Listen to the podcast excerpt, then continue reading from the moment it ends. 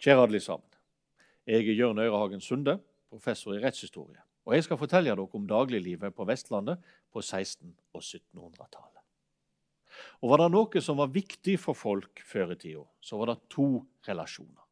Den ene var ekteskapet, og den andre var naboskapet. Disse var helt avgjørende for folk sin velstand. Og Naboskap var viktig av to grunner. For det første så var det først på midten av 1800-tallet at jordbruket etter hvert, og da veldig langsomt i begynnelsen, ble mekanisert. Det betyr at før den tida, for så vidt langt utover på 1800- og begynnelsen av 1900-tallet, så var du helt avhengig av naboene dine som arbeidshjelp. For det var mange arbeidsoppgaver på en gard der du enten trengte hjelp, eller så gikk mye lettere med hjelp. Det kunne være da å dra opp båten på en del steder, det kunne være da å bryte stubber eller få opp stein når du skulle dyrke mark. Det kunne være da å få en olm okse ut på beite om våren, eller sjøl da å bake flatbrød. Da å bake flatbrød er et typisk eksempel på noe som du kan gjøre alene, men som er mye mer effektivt om en er flere om arbeidet. Og Da trengte en altså naboene sin hjelp. Og Veldig mange arbeidsoppgaver da gikk en sammen om å gjøre. Og Da er naboskap viktig. Men naboskap var òg viktig av en annen grunn. Fordi du måtte unngå konflikter. Fordi konflikter ikke bare ødela arbeidsfellesskapet, men de ødela på en måte alle relasjoner du inngikk i i hverdagen. Fordi naboer de kunne bo veldig tett på hverandre. Jeg skal gi dere et eksempel fra en brannforretning. Brannforretninger er ikke sjelden å finne i tingbøker tilbake på 1600- og 1700-tallet. Årsaken til det er at hvis deler eller hele gården din ble skadet av brann, så kunne du få skattefritak. Så du kunne få fritak fra de skatte og avgifter du betalte til kongen, til du hadde bygd opp igjen den gården som var blitt skada. Men da måtte du ha en brannforretning på tinget der du forklarte hva som var blitt ødelagt i brann. Hele tingalmuen stadfesta at så var tilfellet, og så skrev Futen et brev til København og ba om en, en prosentmessig avslag i de skatter og avgifter du skulle betale. En slik brannforretning ble holden i 1726 for gården Stanghelle. Der bodde Johannes, Mons og Torstein Stanghelle med sine familier. Og I en brann 25.1.1726 så mista de to stovehus. Det var der de bodde. To borgstover. Det var der tjenestefolka bodde. To stabbur. To klever, eller vi kan kalle det vedskytje i dette tilfellet. Én flor, ei løa og ett eldhus. Alt brant ned, med buskapen på båsen, med høy, med kodden, med alt annet enn de klærne de hadde på seg. Det var en fryktelig katastrofe for dem. Men det er en annen historie. Det som er interessant i denne sammenhengen, er at det var tre gårdbrukere med familie. Men det var aldri mer enn to av en type hus. I noen tilfeller bare ei, ett eldhus, én flor og ei løa. For eksempel var det bare to stovehus. Det betyr at minst to av disse familiene bodde i ett og samme huset. Og det var ikke uvanlig. Det var faktisk ganske vanlig. Og Vi har eksempel på at det kunne bo iallfall tre, og til og med i svært sjeldne tilfeller fire familier i ei og samme stove. Det betyr at har du en krangel, så er ikke den bare ødeleggende for arbeidsfellesskapen, den ødelegger alt. Den forsurer hele tilværet ditt. For den du krangler med, sitter på andre sida av bordet når du eter. Så dette med å ha et godt naboskap, da å elske sin neste, det var ikke bare et ideal. Det var en faktisk praktisk nødvendighet. Og Derfor er det òg at nabo og neste på norsk det er jo faktisk synonym. Og på engelsk så er jo din neste din neighbor. Så dette har vært en realitet i uminnelige tider. Og Derfor var det å elske sin neste ikke bare ei teologisk kristen plikt. Det var faktisk en rettsregel som en brukte for å avgjøre enkelte rettssaker. Et eksempel på det har vi i en rettssak som var først oppe i 1722, og så kom saken opp igjen i 1726. Men utgangspunktet var en hendelse i 1702. Foreldrene til Ole Mikkelsen var relativt eh, fattige og gamle. Og I 1702 så ga de tolv riksdaler, egentlig en ganske stor sum. Det var to årslønner for en tjenestedreng til Ole Vatle. Ole Vatle skulle mot de tolv riksdalerne ta seg av deres eneste barn så lenge han levde. Ole Mikkelsen han var nesten blind. Det var derfor han trengte noen til å ta seg av seg. Så Ole Vatle tok imot tolv riksdaler. Og de skulle komme godt med, fordi senere skulle han stille seg sånn at han mista hele formuen sin. Han var nemlig gift, men i 1710 hadde han seksuell omgang med en eh, kvinnelig landstryker og fikk barn utenfor ekteskap når han altså var gift med noen andre. og Da ble straffa med full formueskonfiskasjon. Så det eneste han sannsynligvis satt igjen med, var restene av disse tolv riksdaler som han hadde fått for å ta seg av eh, eh Jeg har kalt han Ole Mikkelsen, han heter Lars Mikkelsen. Lars Mikkelsen han levde videre. Nesten blind, men han levde. Og i 1722 så hadde Ole Vatle ingenting igjen av de pengene, de tolv riksdalerne han hadde fått 20 år tidligere, i 1702, for å ta seg av han. Så da løste han det på den måten at han ga én riksdaler til noen landstrykere som han tydeligvis omgikk med, mot at de skulle ta med seg Lars Mikkelsen. Der oppstår det en forferdelig scene. Landstrykerne trekker med seg Lars Mikkelsen ut i båten sin. Eh, Lars Mikkelsen roper, skriker, vil slettes ikke bli med landstrykerne. Naboene kommer springende, de vasser ut i sjøen, prøver å ta tak i ripa på landstrykerne sin båt for å dra han inn igjen til land, så Lars Mikkelsen kan slippe, slippe fri. Men landstrykerne ror sin vei med han. Men fordi det ble så stor oppstandelse, blir det en sak på tinget. Der Ole Vatle forteller han har fått tolv riksdaler for 20 år siden. Det er ingenting igjen av dem. Eh, og Lars Mikkelsen har han ikke råd til å ha i husholdninga si lenger. Derfor har han betalt disse landstrykerne én riksdaler for at de skal ta han med seg. Da jeg går ikke retten med på. Det er Ole Vatles plikt, om han har mer igjen av de pengene eller ei. Det er hans plikt, hans kristne plikt, å ta seg av Lars Mikkelsen. Derfor blir han pålagt å reise etter landstrykerne og hente tilbake igjen Lars Mikkelsen. Han må reise helt til Sunnfjord, der han treffer på dem, og tar med seg Lars Mikkelsen og har han i husholdninga si i fire år til. Da går han til retten og klager sin nau. Pengene har altså vært oppbrukt. Det koster han fattige mannen noe å ha Lars Mikkelsen i sitt hus. Og fattig er han nok. Han er altså en som omgås eh, landstrykere. Da hører han til samfunnets absolutte bunnsjikt og har nok ikke noe leis penger. Retten slår igjen fast at det er hans barmhjertighetsplikt som en kristen å ta seg av Lars Mikkelsen, så da får han bare gjøre. Det som da skjer, er at Ole Vatle tar med seg Lars Mikkelsen, denne stakkars blinde mannen, setter han på trappa til soknepresten og går hjem. Da blir det jo selvsagt en rettssak av det òg, men da sier han at eh, soknepresten er den som må utvise mest kristen nestekjærlighet, så han får ta seg av Lars Mikkelsen når eh, det ikke er noe penger i den omsorgsplikta lenger. Hva som blir enden på så god, det vet ikke jeg. Men poenget mitt er bare å vise at det å vise nestekjærlighet det er rett og slett en rettsregel, fordi dette samfunnet er fullstendig avhengig av det. Naboer tar vare på hverandre. Et eksempel på det har vi fra Hardanger i 1767.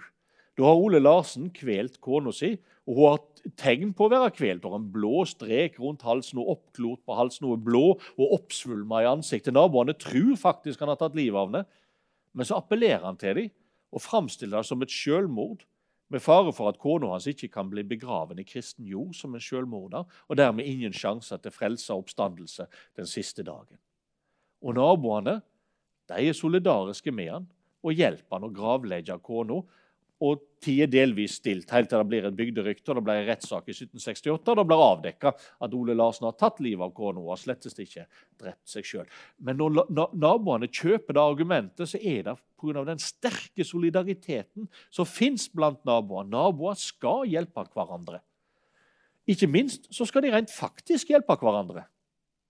Fordi naboene til Ole Larsen de skulle være med og gravlegge kona. For slik var det på Vestlandet. Alle husstander inngikk i det de kalte for BR-lag. BR-laget har ikke noe opprinnelse i en lov. BR-laget bare fins. Det går sannsynligvis uminnelige tider tilbake. Ofte var det altså fem og fem husstander som hørte sammen i et BR-lag. I et BR-lag inngikk òg på Vestlandet husmennene. Og, og, vi kan tenke oss et tun med åtte hus. Så ville fem utgjøre ett BA-lag. og de tre andre ville te, høre til et BA-lag med de to nærmeste gårdsbrukene, være seg husmenn, leiglendinger eller sjøleiende bønder, slik at de òg ble fem. Så et tun kunne være oppdelt i flere BA-lag, faktisk. Og BA-laget, De som hørte til et BA-lag, de hadde plikt til å hjelpe hverandre. F.eks. i anledning begravelser. De hadde plikt til å være med og transportere kista til kirkegården. Noe som kunne være ganske tungt og vanskelig arbeid med dårlig vær eller vinterføre osv. De hadde òg plikt til å være med når en f.eks. skulle bytte tak på et hus. Det var et arbeid som måtte foregå fort når det var fint vær. Da måtte det være mange mann. Da kom altså de andre i BA-laget og hjalp deg når du skulle bytte tak på ditt hus. Men var du med i et BA-lag, så hadde du òg spesielle rettigheter. For så var det slik at Når en inviterte til bryllup eller til gravøl, for den saks skyld, så inviterte en flere fra de som en var i BA-lag med, enn fra andre gardsbruk så bodde en i et tun der noen tilhørte et annet BA-lag, ja, så kom det flere, færre av de naboene til den, den, det bryllupet enn de som bodde utenfor tunet, men var en del av ditt BA-lag. Så BA-laget var en helt essensiell institusjon for at folk i alle fall skulle få arbeidshjelp i de mest presserende arbeidsoppgavene. Og som sagt, vi vet ikke hvor denne, dette kommer ifra, men vi vet det fins. Og vi vet at folk oppførte seg som om de var pliktige til å utøve eh, sin tjeneste i BA-laget og hadde rettigheter når det gjaldt innbydning i gjestebod.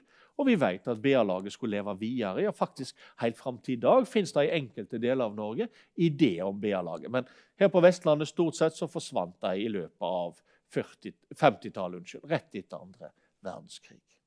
Så BA-laget var en viktig naboinstitusjon. Da var òg grannestevne. Og da var ikke nødvendigvis overlappende. For grannestevne da gjelder de som bor i et tun i lag. For de som bor i et tun i lag, de har veldig mye fellesskap. Og den fellesskapen den må en bevare trass i at det oppstår konflikter. Og den bevarer en da med å raskt og effektivt løse konfliktene. Så La oss reise tilbake igjen til Stanghelle 1726. Der bor det altså tre gårdbrukere, Johannes, Mons og Torstein. Men de har aldri mer enn to hus av hver type, av og til bare ett. Det betyr at to familier bor i sammen i samme huset. Da har de da huset felles. Da må de to bli enige om taket eksempel, skal repareres. Når er det nødvendig, når er det ikke. Da krever enighet. De må bli enige om bruken av løa og av floren og av eldhuset. Hvem kan bruke det når, hvem skal bruke hva del, når skal det repareres, når skal det bygges ut, etc. etc. Det er en masse ting de må bli enige om. Og Så må de bli enige om gjenstander i huset. For F.eks. i eldhuset der vil du ha en god del gjenstander. Av og til vil de være felles. Du trenger f.eks. bare én ovn. Ja, Da må du bli enige om det som gjelder den ene ovnen òg. Og så har vi alt utenforbi som en må bli enige om, f.eks. slåttemark og åkermark. Fordi all jord skulle deles likt. Og jorda, spesielt her på Vestlandet, kan være veldig ulik, selv om jordstykkene ligger bare et par meter fra hverandre.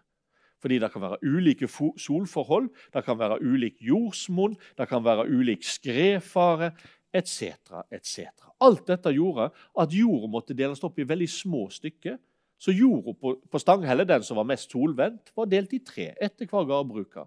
Jorda rett ned for damhuset, damhuset da ville vi ha kalt for Møkaskuten f.eks., den er spesielt fruktbar, for du har avsig fra møkja som ligger der og ned i bakken forbi. Ja, Den jorda måtte deles for seg, for den var spesielt fruktbar. Og så har du annen jord som er spesielt flaumutsett. Ja, da må den deles. Så du satt med en masse små jordeiendommer de kunne være veldig små. F.eks. jorda nedfor et damhus, altså nedfor Møkaskuten, der det var avsig, veldig nitrogenholdig, dermed veldig god vekst. Ja, Den jorda kunne deles i lange strimler på bare en halv meters bredde.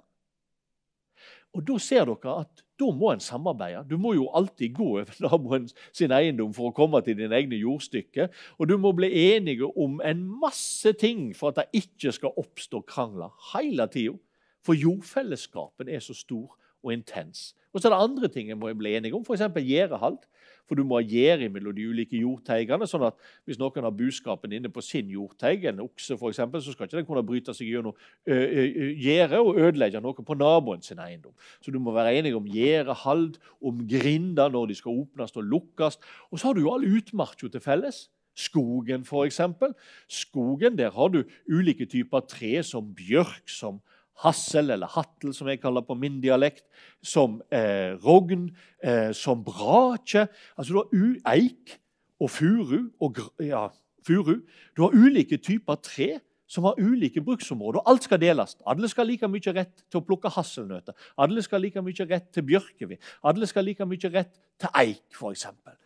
Alt skal deles likt. og blir det en voldsom fellesskap òg i utmark. Og Så har vi jo stølen, seter oppe på fjellet. Du har kanskje bare ett stølshus der alle har ei budeie i fellesskap som, som, tar seg av alle sin buskap, f.eks. Men hvordan skal dette ordnes rent praktisk? Og når skal, skal stølshuset repareres? Alt dette må en bli enig om. Slik kunne jeg holde fram i det endeløse.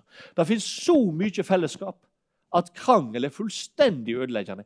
Ikke bare for arbeidshjelp, men for alle de andre relasjonene den inngår i med ens naboer. Og Derfor hadde en grannestemne. Grannestemne er konfliktløsningsorganet for de som bor på samme tun og har alt dette til felles. Stovehus, redskaper, innmark, utmark, stølsområde osv.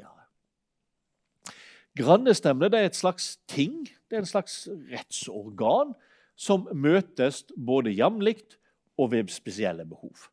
Det møtes jevnlig, fordi av og til så vet du at det er lett oppstår konflikter. Typisk på våren. Når vårløsninga er der og du skal begynne å dyrke opp igjen, ja, da må du ha et grannestevne. For det er så mange ting du skal bli enige om.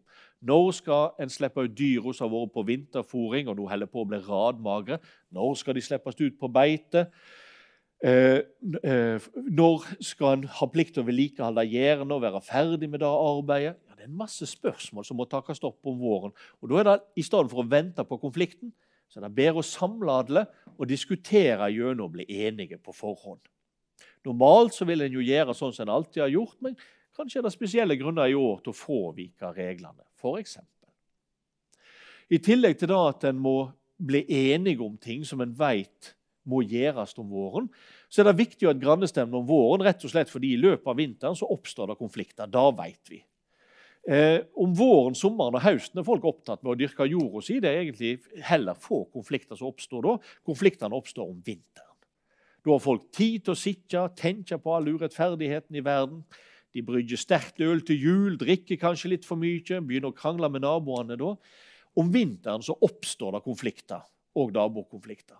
Og det er viktig å rydde alle de av veien når våren kommer og behovet for samarbeid er så intenst. Derfor har en grannestemme om våren. Men en har det òg etter behov. Når en ser at det brygger seg opp en konflikt, når en ser at noen begynner å småkjekle, ja, da er det viktig at en bryter inn, og så samler en folk til grannestemme. Grannestevne kunne samle folk ved, ved tuntreet. Ved en fin sommersdag for eksempel, så er det fint å møtes ute ved tuntreet, og så tar en opp og løser konflikter der. Er det en annen årstid eller været dårlig, så trekker en inn i det største huset, den største stua, som da blir rettslokale eller forsamlingslokale for å løse en konflikt som har oppstått. Den som bestemmer at det skal kalles inn til grannestevne om våren, men òg ved behov, det er gardskongen eller gardsfuten. Det er rett og slett en person på tunet som nyter stor respekt. Det vil normalt være en mann, gjerne den som har størst eiendom, men det trenger det ikke være. Det kan være en kalla som helst mann på tunet, og det kan nok òg ha vært ei kvinne. Og det er rett og slett fordi for på tunet så har kvinner òg noe de skulle hatt sagt. Dette går tilbake til mellomalderen, der f.eks. kvinner ikke kunne gi vitnemål på tinget, bygdetinget, unntatt hvis det var noe de så fra tunet. For da talte ei kvinne sitt ord like mye som en mann sitt ord. Og Vi kan nok tenke oss at kvinner kan ha tatt over eh, embetet eller vervet som gardskonge eller gardsfut, særlig hvis mannen hennes hadde vært, der, og han dør, så kan hun ta over og styre. Men det kan òg være at ei kvinne av andre grunner har slike egenskaper at hun blir gardskonge eller gardsfut. Og Da er det oppgave altså å kalle inn til stevne, men òg å huske hva en har gjort før. Jo, vi har alltid brukt og har gjort ferdig regjerende til den datoen, f.eks. Vi har alltid brukt å ta dyr opp på stølen på den datoen.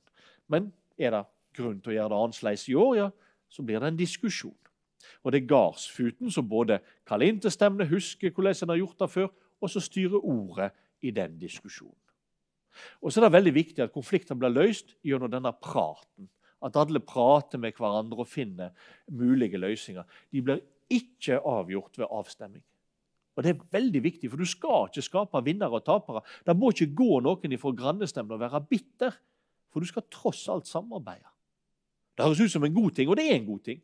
Det tvinger folk til å forholde seg til hverandre, inngå kompromiss og samarbeide.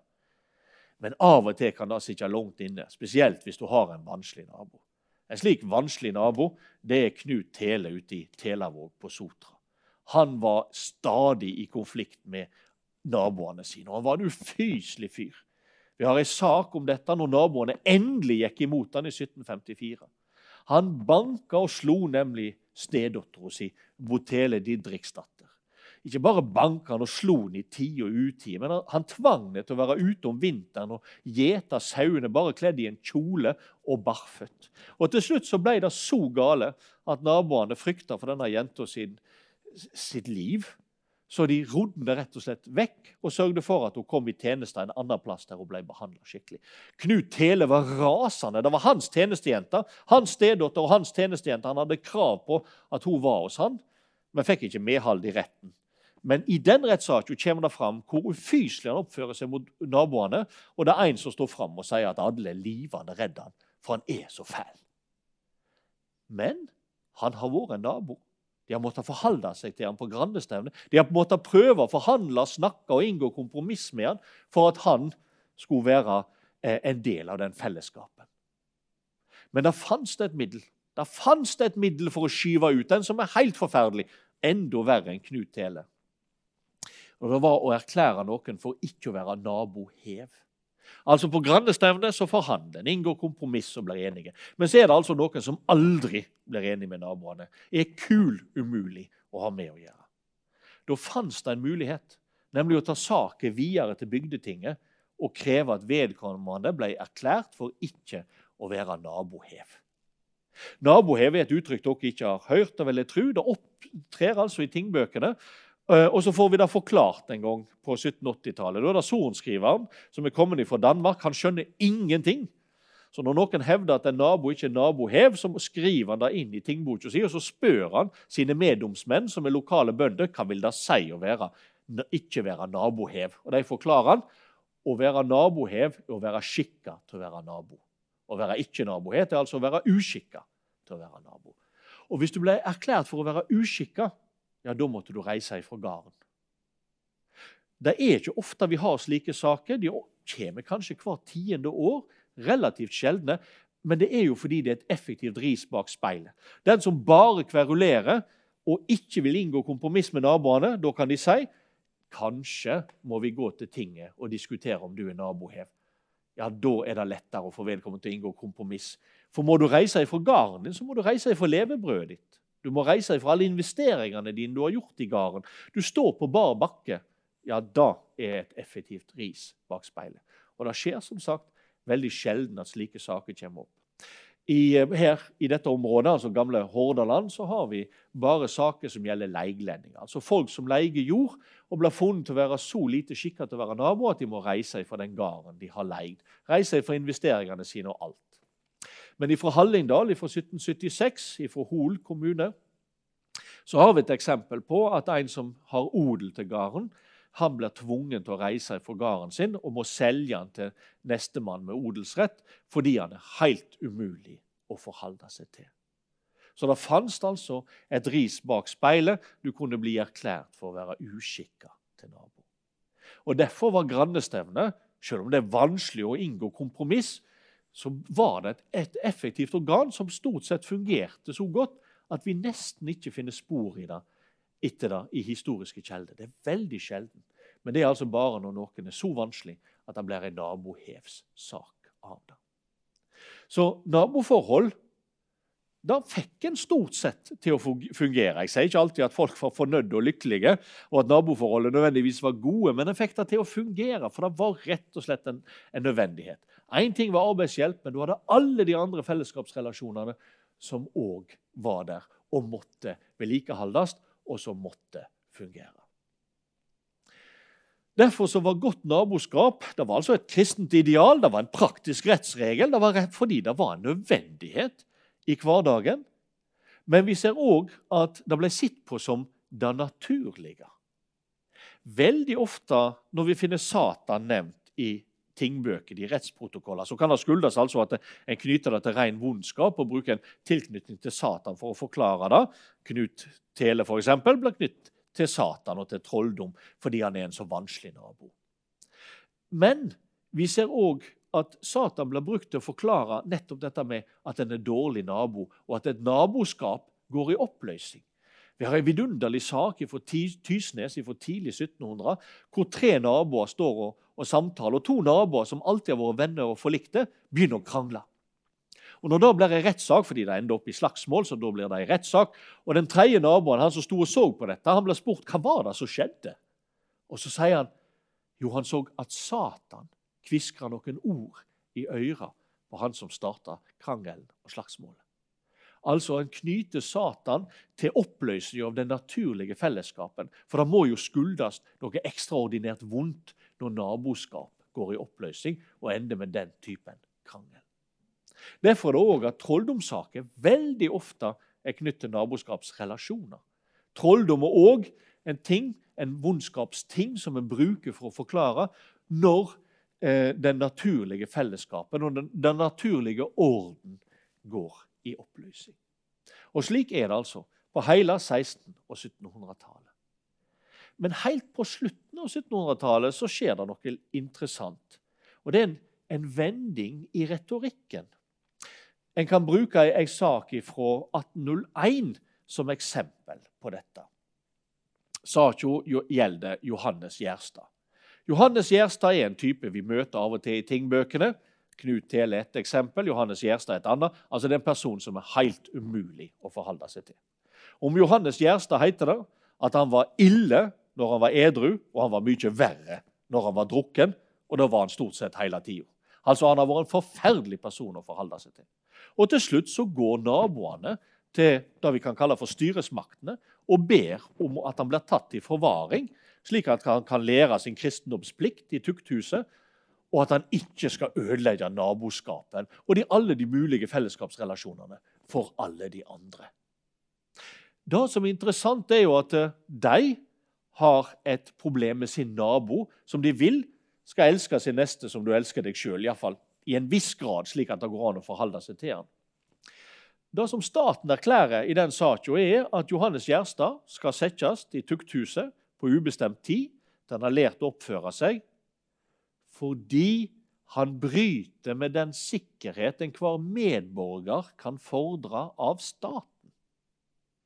Altså, Naboene til Johannes Gjerstad mener at han har brutt naboskapsforpliktelsene. Mens staten behandler Johannes Nærstad og naboene hans som medborgere, der staten kan gripe inn. Ikke bare felle en dom om nabohev, som staten alltid har gjort gjennom sitt rettsapparat, men veldig sjelden.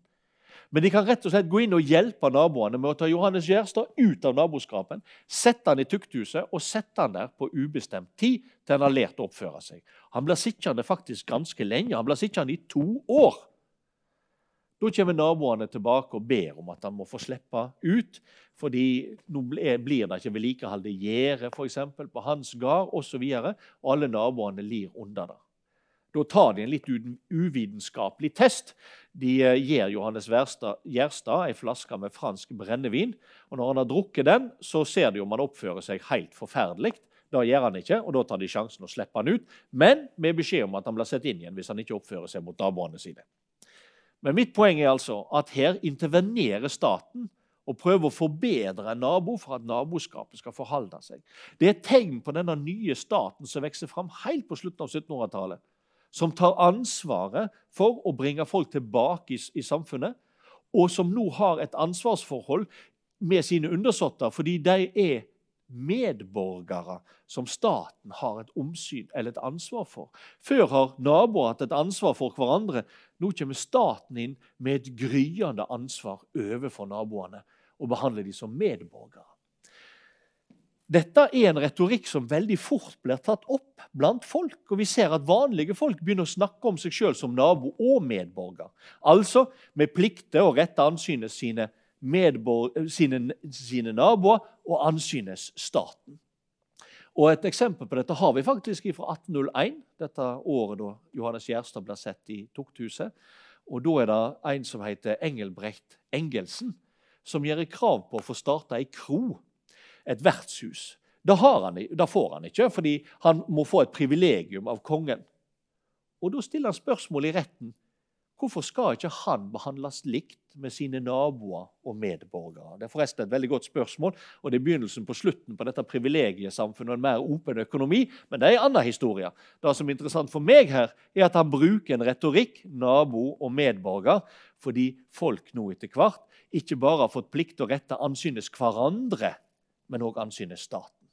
Hvis vi går tilbake til Ole Vatle, som ikke behandla Lars Mikkelsen, denne stakkars blinde mannen, særlig godt, så hadde han bare ei plikt overfor sin neste, kristen barmhjertighetsplikt. Hadde den saka ikke kommet opp i 1722 og 1726, men i 1822 og 1826, så hadde han nok ikke bare hatt ei kristen barmhjertighetsplikt, men han hadde òg hatt ei plikt overfor sin medborger. Og Det er en av de store endringene som skjer på slutten av 1700-tallet, og som forsterker og tar opp på et politisk nivå den naboskapsplikta eh, som du hadde hatt i uminnelige tider. Eh, F.eks. gjennom BA-laget, men ikke minst gjennom grannestemmene.